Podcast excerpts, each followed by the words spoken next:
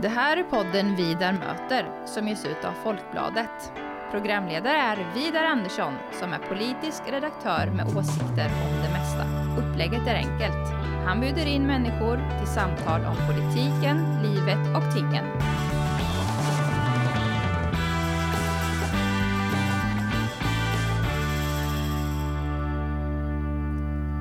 Välkommen till Vidar möter Mikael Damberg. Tack så du ha, kul att vara här. Eh, Ja, vi är faktiskt hemma hos dig kan man säga. Eller på eh, departementet. Ja, på justitiedepartementet, eh, det är ganska tomt här. Det är du och jag och så något fåtal tjänstemän i hela huset för Ja. att många jobbar hemifrån. Ja, det är väldigt ödsligt. Märklig tid. Mm. Märklig tid att vara politiker också, är det inte? Jo, det är det. Jag, tror, ja, jag- tycker att de senaste åren har präglats ganska mycket av kriser på ett sätt som jag inte riktigt känner igen. Mm. Vi hade flyktingkrisen, vi hade nu hela coronahanteringen som har pågått under väldigt lång tid. Eh, Det där sätter nya krav på politiken men det är samtidigt väldigt spännande eh, Mm. att sitta mitt i det och försöka hantera det så bra som möjligt. Samtidigt som då på justitiedepartementet vi har fått liksom det tunga uppdraget att att vända utvecklingen när det gäller gängkriminalitet och det är ju Mm. liksom mitt huvuduppdrag men jag har också eh, mycket ansvar för krishanteringen i regeringen. Ja, det förstår jag. jag. Jag såg det här, var det mellan jul och nyår, en utfrågning Aktuellt där oppositionsledarna liksom ställde, du var stand-in för Stefan Löfven eller där, en, eh, just om eh, strategin i pandemin och, och sådär. Det gick ju alldeles lysande. Jaha, tack du. Ja. Det är du som säger det. Men, Ja. nej, men jag, jag har ju ett ansvar för, för krishanteringen i regeringskansliet. Sen är ju mitt Vanligtvis har vi riggat en organisation för en mer kortare krishantering. Nu har min statssekreterare jobbat med det här ja, hela tiden egentligen Mm. och, och så, så det har blivit helt annorlunda. Men regeringen bär ju ett gemensamt ansvar och, och en del i, i krishanteringen är också att förklara eh, Mm. och berätta om vad vi, hur vi ser det och vilka ytterligare åtgärder kan behöva vidtas. Och, eh, det är klart att man får ställa upp och, och ta sådana diskussioner också. Mm. Du har ju varit politiker större delen av ditt liv kan man säga. Mm. Är du bekväm om man eh, att bli kallad yrkespolitiker eller kän, tycker du att det känns nedsättande på något sätt? Både ja och nej. Jag, har, jag kan ju liksom inte säga att mina studier på, om, på ekonomi på universitetet har präglat hela mitt liv eller att mina extra sommarjobb och så har, har präglat mig. Jag har ju varit politiskt aktiv sedan egentligen ungdomsåren Mm. och fick chansen att bli SSUs ordförande och sen kom in i riksdagen. Så jag, jag tillhör ju de som har hållit på med politik mitt vuxna liv. Eh, däremot så vill jag inte kalla det för ett yrke därför att det är ett förtroende. Har inte jag mitt partis eller mina väljares förtroende ska jag inte hålla på med det här. Mm. Eh, men, men det är klart att jag, jag har hållit på med det här länge nu. Eh, Mm. Har viss rutin. Ja, och som jag ser det, inte för att smöra just med dig, utan alltså en, en yrkesskicklig person som kan det politiska hantverket har jag ju hellre att sköta politiken än en amatör. Alltså om det, det politiska hantverket, se till att propositioner kommer fram, att det finns majoriteter, att det fungerar. De grejerna. Jo men det, det är en fördel. Alltså jag kan det där spelet och jag förstår vad som är viktigt och inte viktigt och hur man får saker och ting att hända. Och, och det, det, det spelar viktig roll i politiken. Men det är inte det hela. Jag, otroligt viktigt, inte minst i, i mitt parti och socialdemokratin, är det otroligt viktigt att vi har en bredd i eh, företrädare. Eh, Mm. människor som, kom, som Stefan Löfven som Mm. kommer direkt från en arbetsplats in i ett fackligt förtroendeuppdrag. Ta med sig hela den erfarenhetsbasen. Mm. Jag tror att vårt parti skulle vara ett helt annat om vi inte hade olika kompetenser. Men jag är duktig på, på att få saker och ting att hända och det är väl därför jag får en del uppdrag i regeringen på, på olika områden. Mm. Och socialdemokratin, eh, detta fenomenala regeringsparti, så här som eh, även någon form av inofficiell världsmästare i den fria världen på att inneha regeringsmakten. Och tidigare var det ju med siffror runt 40-45, någon enstaka gång 50. Men säg runt 40-45. Och, eh, men nu är vi fortfarande ett regeringsparti med ett valresultat på 28, någonting. Vad är det som gör att, att socialdemokratin regerar hela tiden? Fast i, ibland finns det ju majoriteter som skulle kunna regera på andra sidan, men som inte gör det. Varför är det alltid Socialdemokraterna som regerar? Nej, men i modern politisk historia är det ju inte bara det. Det har ju växlat ganska mycket mellan eh, egentligen moderatledda regeringar och socialdemokratiskt ledda regeringar och det har pendlat lite fram och tillbaka. Eh, men men eh, det är väl sant att vi är ett parti som försöker få saker och ting att hända i mitten av svensk politik och det är en ganska viktig position att ta om man vill förändra Sverige. Mm. Eh, om man inte vill vara ett litet ytterlighetskantsparti som bara vill säga saker och ting som låter bra mm. utan man vill de facto göra livet lite drägligare och bättre för vanligt folk. Mm. Då måste man skita ner händerna, då måste man eh, göra kompromisser, då måste man stå för sitt ord även när vi tog, tecknade det här förhatliga januariavtalet eh, med, som många i, inom socialdemokratin tyckte var jobbigt. Att vi, men det var ju ett val vi gjorde som mm. Stefan Löfven stod för och sa att det är bättre i det här läget där ingen regering kan tillträda att vi försöker göra något i mitten av svensk politik. Mm. Jag tycker det är rätt men, mm. men det kostar på också. Så att, eh, och idag är ju politiken mer uppsplittrad, fler olika partier så det är svårare att komma upp i de här skyhöga nivåerna ja, på 40-45 procent. Mm. Men, eh, men det är farligt om man vänjer sig vid att bli mindre och mindre. Det tror jag inte man ska göra.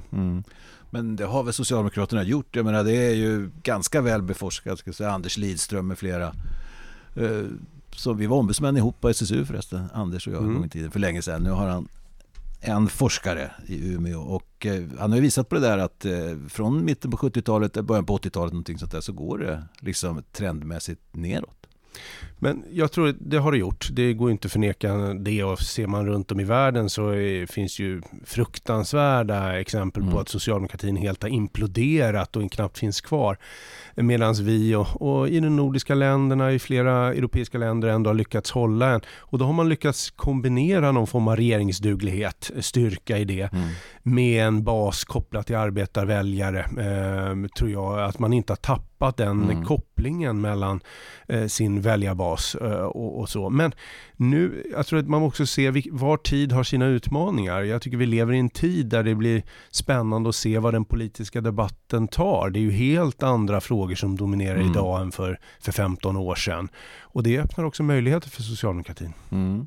Några särskilda möjligheter du tänker på där? Eller, som ja, men om vi bara tar nu jättekortsiktiga perspektiv med, mm. med coronafrågan eh, eh, men också den ekonomiska krisen som på något sätt kommer i spåren av den här världspandemin eh, så tror jag att människors värderingar av vad som är viktigt ställs lite på ändan. Eh, dels att hälso och sjukvården måste fungera, eh, att äldreomsorgen måste ha kvalitet, mm. inte bara någon som kommer och, och liksom vänder på, på mamma i, sängen utan faktiskt kan ha en koppling till utbildning, till sjukvård, till, till nära kontakt, fasta anställningar. Hela den frågan om att göra ett lyft på äldreomsorgen, det kommer mm. att vara en jättestor reformutgift för, för samhället när vi blir allt fler äldre också. Så det är en fråga, men också hela frågan om trygghet eh, i arbetslivet, på sitt jobb, rätten till kompetensutveckling, till och med frågan om a-kassan som var så mm. väldigt uppdelad, fortfarande känslig i svensk politik.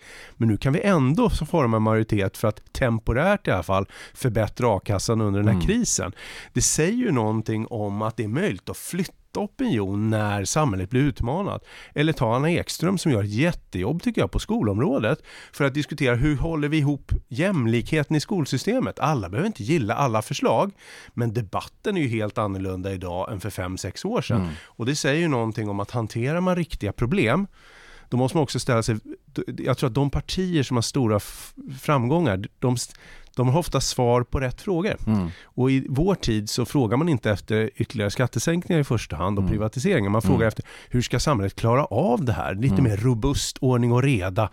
Lite gråsossigt någon form mm. av, av stabilitet i detta och det, det är inte dåligt. Det låter som en förhoppning som klingar mycket väl i mina öron i alla fall. Liksom det här med att man inte far iväg och låtsas politik och, och sånt där. Det är det värsta jag vet i alla fall. Utan, ja, jag vet. Du, du, har, du, gillar inte sånt. Nej, det gör jag inte. Nej. Nej. men jag har lite svårt för den här tiden med sociala medier och utspel mm. och man ska, ut, man ska det är klart jag finns där också och twittrar ibland och så, men jag, inte, jag trivs inte i det här att folk, människor som tror att politik i första hand avgörs av vad man säger i två meningar. Mm, mm. Det måste ju bottna i någonting djupare. Det måste ju handla om ett problem som vi ska lösa.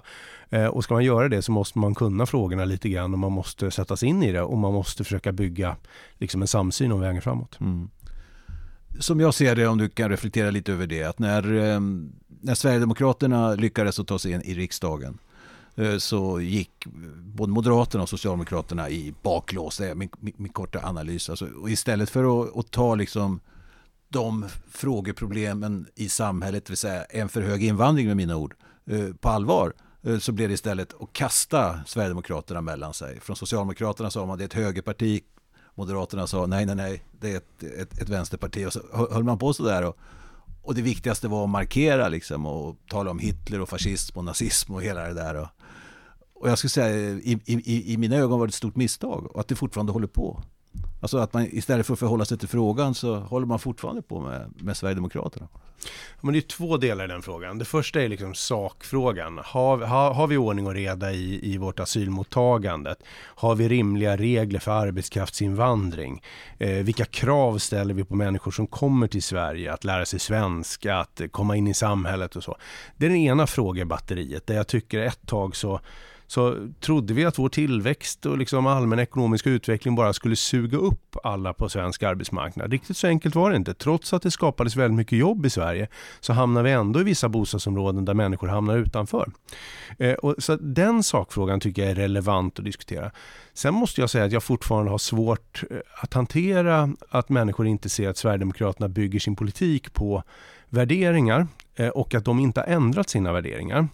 Och att det är också ett parti som, som utmanar en del av det vi tar för givet i den liberala demokratin. Och det tycker jag är en viktig ideologisk diskussion att våga föra. Vem samarbetar man med? Vad står man för som människa? Eh, och, och, liksom bara nu i senaste tiden när, när Sverigedemokraterna först skulle nominera Trump till Nobels fredspris. Eh, man driver kraven om att avlöva public service, eh, en institution som verkligen bär upp mycket av demokratin. och så. Det där är tendens, eller när man inte kan välja mellan Macron och, och liksom östeuropeiska ledare som inte står för demokrati på ett riktigt sätt. Det där, är, det där är viktiga frågor också, där partier måste kunna stå upp för hur man ska eh, hantera både demokratin men också hur man hanterar olika grupper. Jag menar att Sverigedemokraterna li, lever ju, de bara inte ser ett samhällsproblem, de lever ju på att skapa kontrast mellan invandrare och svenskar eller mellan muslimer. Och det, och, och det tror jag är farligt för ett samhälle. Så jag har ju väldigt svårt för Sverigedemokraterna mm. som parti. Och det kommer jag fortsätta ha av deras ideologiska grund. Men däremot att vi hanterar ett antal problem som Sverigedemokraterna alltid har pratat om. Men å andra sidan, de har pratat om det när det var mycket invandring, när det var lite invandring, när det var stora problem på arbetsmarknaden. De har ju alltid haft samma frågor egentligen. Jo, precis, men det är ju så. Eh, håller man på i 80 år och säger samma sak så två eller tre gånger under livet kommer du ha rätt. Ja, exakt. Ja, ja, och då, då när frågorna är rätt, jag menar, det är ju ändå så att eh, det där partiet består ju i huvudsak av gamla socialdemokrater och moderater. Jag menar, alltså det är inga, alltså, jag förstår precis vad du säger med värderingarna och alltihopa sånt där. Men många människor känner sig trampade på också. Jag menar, det är många som ringer till mig, Norrköping, Finspång och andra gamla socialdemokrater nu som Ja, de, de har ju inte ändrat sig någon särskilt mycket. Det är alltså, arbetare. Mm. Men, ja. Men då måste man ju skilja på vilka, vad är det som har skapat de här problemen i vissa kommuner och i vissa stadsdelar. Det finns ju systemfel i samhället. Mm. Vi har haft ett flyktingmottagande i Sverige som har styrt av liksom lagen om eget boende. Eh, som innebär att alla nästan migranter har kommit till samma bostadsområden eller samma fattiga kommuner. Mm. Mm. Det är klart att det inte blir bra. Mm. Då måste man ge sig på det systemfelet. När vi ser att det finns systemfel där folk kommer till Sverige och köper på något sätt mm. arbetskontrakt för att få stanna i Sverige och sen blir istället utnyttjade här och tvingas slava för någon arbetsgivare för att inte riskera att åka hem igen. Då slår man ju sönder svensk arbetsmarknadsmodell bakifrån. De här systemfelen men också hur vi skapar mer likvärdiga förutsättningar i skolan så att verkligen de skolor som jobbar med de elever som har störst mm. utmaningar får förutsättningar att göra det. Det där tror jag, det måste vi som parti eh, adressera. Jag tycker vi gör det idag. Jag tycker vi börjar få rätt från en del partier som förut tyckte att vi hade helt fel. Eh, så att, men vi pratar inte alltid om de här frågorna och jag tycker man måste adressera de problemen. För, mm. för vissa kommuner och stadsdelar har ju stora problem och de kommer inte kunna lösa det själva om inte vi som samhälle bestämmer oss för det. Mm. Det, det, kan ju också vara så, alltså, ja, enstaka ord löser ju ingenting. Men jag menar så här att eh, under 11-12 år så har ju eh, invandringen till Sverige legat mellan 90 och 150 000 eh, beviljade uppehållstillstånd. Och det är klart det är väldigt, väldigt mycket. Det kan ju också vara ett system för att man skulle hålla det där och, och, och flera av er har varit ute under årens lopp, Stefan Löfven och med andra, så att det ska ner och kanske 14 000 har nämnts olika. Men det känns som det inte blir något. Inte. Ja men nu har vi det lägsta asylmottagandet på 20 år. Ja, det Eh, Så det har ju gått ner ganska kraftigt, inte bara på grund av Corona utan även innan det så gick det ner. Det som vi håller nu på och försöker få någon form av majoriteter för det är ju en ny permanent migrationslagstiftning i Sverige. Och skulle den gå igenom så får vi den striktaste migrationslagstiftning i Sverige på 40 år. Det är ju, huvudregeln är temporära eh, uppehållstillstånd. Man ska ha försörjningskrav för att få permanenta uppehållstillstånd. Man, det, är liksom, det är ett helt annat system som är striktare. Eh, men men nu kidnappas ju allting. Nu blir allting politik Mm. istället för att eh, till exempel stora partier som Socialdemokraterna och Moderaterna kan enas. Ja. Och, men Moderaterna har ingen intresse för det just nu. Vi måste ju förstå det. Jag kände samma sak. Jag hade ju förhandlingar om gängbrottsligheten. Och Moderaterna valde att hoppa av för de vill hellre ha det här som konfliktfråga. Och även i migrationen vill de ju ha det som konfliktfråga. Mm. Så att eh, jag tycker vi tar ansvar nu, styr om politiken, gör det mer långsiktig. Vi ser det redan nu i, i migrationsströmmarna till Sverige, men det är klart att svenska folket har inte sett det än, utan de har ju mest följt efter eh, flyktingkrisen 2015 och tyckt att det där blev ohållbart. Mm. Och det är ju inte vilken fråga som helst eh, eftersom den, när man tittar på SOM-institutets undersökningar, det finns ju ingen fråga i modern tid som har visat sig kunna få folk att byta parti, att det har en sån sprängkraft på något sätt.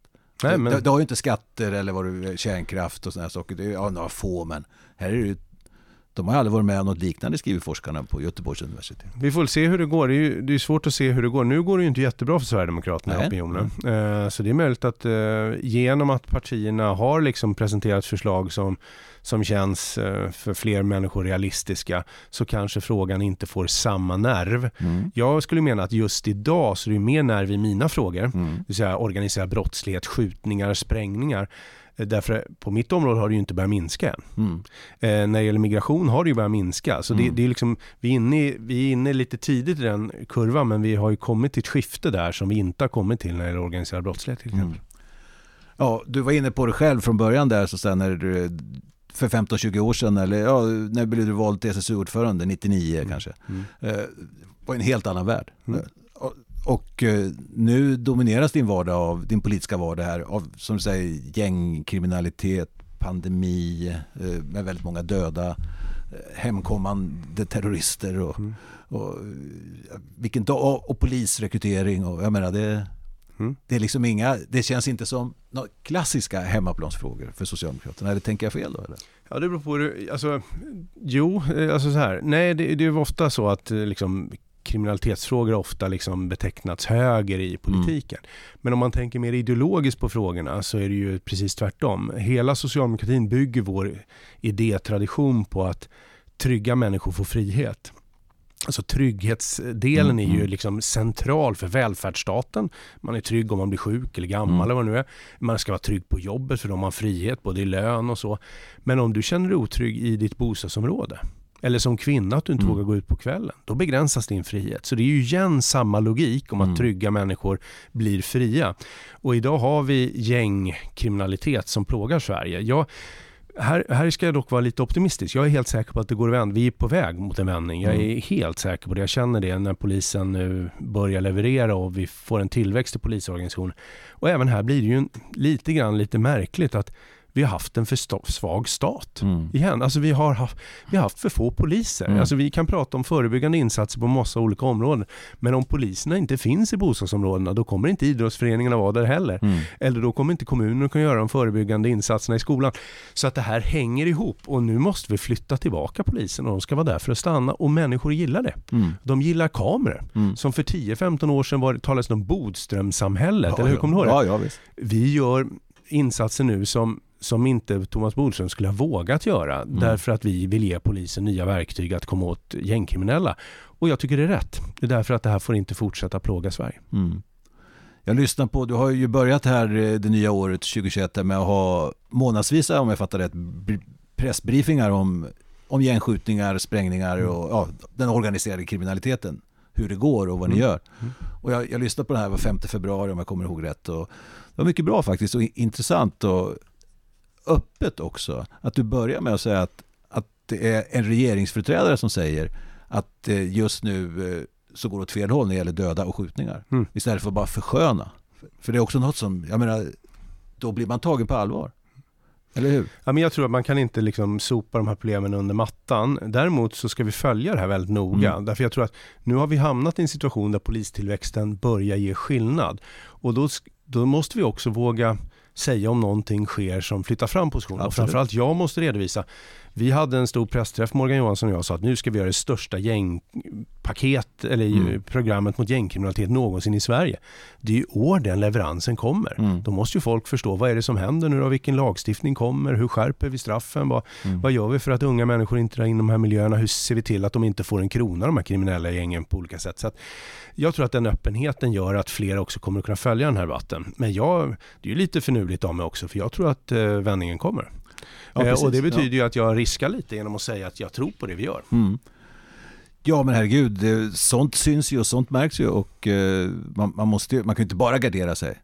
Hel, hela, hela tiden. Det här med kameror tycker jag är intressant som du nämnde, Bodströmsamhället. Men det, det är också så när jag, jag lyssnar på pressbriefingen där att, att du säger ju då utan att rodna för att skoja liksom att vad beror det här på framgångarna framförallt i Malmö? Mm. Eller i syd som ni säger, det kanske är hela Skåne, jag vet inte. Men framförallt Malmö är det väl. Mm.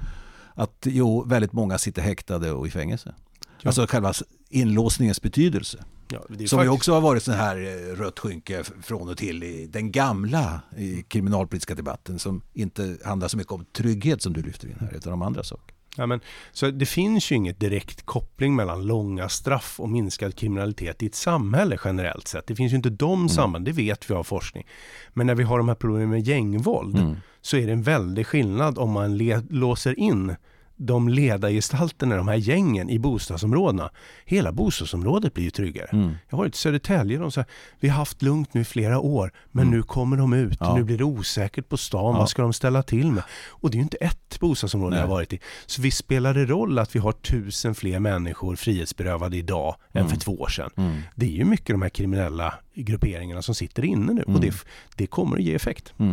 Men har vi lagar, jag menar om man säger så här, som am- amatörbetraktelse från min sida, ju längre de sitter inne, desto färre brott kan de göra. Visst är det så? Så, så är det, alltså på individnivå. Ja, på ja, men på individnivå. individnivå så är det ju så. Och vi ser också att det är mycket lättare att få till exempel lite äldre kriminella som har suttit inne att sluta. Mm. När man kommer upp i den här åldern där man bildar familj, man har levt det här livet ganska länge, man kanske känner sig hotad. Man, ja, då, är, då finns det ett fönster att också få människor att sluta med kriminalitet. Mm. Mycket svårare i den här åldern 17, 19, Mm. 21 år. De här unga killarna har hamnat utanför skolan, har ingen annan alternativ karriär. Utan då är det det här och då gäller det att vara lite cool och visa framfötterna i de här kriminella miljöerna. Och då är ofta ett fängelsestraff någonting som måste kyla av ibland faktiskt för att de här inte ska fortsätta begå brott. Mm. Innan vi slutar här inrikesminister Damberg, jag ska återvända lite till frågan om socialdemokratin. Ser du framför dig, vilket jag gör på min kammare ibland, man diskuterar att socialdemokratin nu gör ett allvarligt försök så att säga, om, se om man kan, eh, det kan bli en stadig regeringsbygge tillsammans med Centerpartiet, kanske Vänsterpartiet, Miljöpartiet och, och kanske något mer. Se, ser du det framför dig? Alltså att, att jag tycker jag märker uttalanden från Centern och och från vårt eget parti och andra att det pågår ett sådant bygge, eller? Nej, men jag tror man, man får bara förtroende hos andra partier när man lever upp till det man har sagt. Det vi gick in i ett januariavtal som smärtade på oss Mm. ganska mycket. Många i vår rörelse hatade den här värnskattesänkningen och sånt där som vi gick med på. Mm. Det var ju liksom ett vägval vi gjorde för att vi måste visa de här partierna att vi kan regera också över blockgränsen. Vi tar er på allvar. Vi gillar inte alla de här förslagen ni har kommit med. Mm. Men om ni vill samarbeta med oss, då ska vi ge och ta och då menar vi allvar. Så det tror jag att vi har visat under de här åren, att vi levererar och vi gör det vi har sagt. Det har betydelse för om partier vågar ställa upp och samarbeta med oss. Jag tror att Centerpartiet och Liberalerna säger att vi har gjort det vi har sagt och att vi har byggt förtroende den vägen. Sen vad varje parti vill göra i regeringsfrågan framöver, det, är, det är en annan fråga. Mm. Och det kanske vi inte, det kan vi inte bestämma åt andra partier, men vi ska visa att vi är beredda att ta andra partier i hand. Om det handlar om en politik som faktiskt gör det lite bättre för vanligt folk. För det är ju egentligen vår grundidé, att vi tror att samhället blir bättre om vanligt folk är med, har ett jobb att gå till, det finns bra skola och sjukvård, att vi har pension som det går att leva på i det här landet. Och det behöver göras ganska mycket på de områdena. Mm. Med en sån agenda så är vi beredda att samarbeta med andra. Gärna i mitten av svensk politik så vi inte får den här polariseringen för som många andra länder har, där, som är farligt tror jag för politiken, där det inte blir smarta kompromisser och verkligheten mm. som styr utan bara politiska program som mm. någon har suttit och snickrat på på hemmakant. Det tror jag är farligt för demokratin. Mm. Så jag hoppas att vi har visat att vi är en garant för Sverige i svåra tider och att vi är beredda att samarbeta. Ja, som jag ser det är oerhört strategiskt viktigt att Socialdemokraterna lyckas med det så man inte bara blir omgiven av vänsterpartners för då kan det gå illa tror jag. Hörru du, du fyller 50 ja. i höst. Och eh, som jag ser när jag tänker på dig så tänker jag att du har kanske dina bästa 10-20 år kvar i politiken. Hur tänker du? När jag tänker på 50 år så tänker jag mest på att jag skulle vilja ha en stor fest faktiskt. Jag är ingen stor festprisse men jag tänkte när man fyller 50 kan man få slå på stort. Men det vet jag inte om jag får göra nu med, med hela corona och sådär. Vi får se men någon form av lite fest hoppas jag kanske att i höst det går att göra. Och jag har inga planer på att sluta jobba. Eh, men nu, jag tycker det är svårt det här. Det finns ju de som liksom har massa planer om framtiden. Så jag har mm. inte det.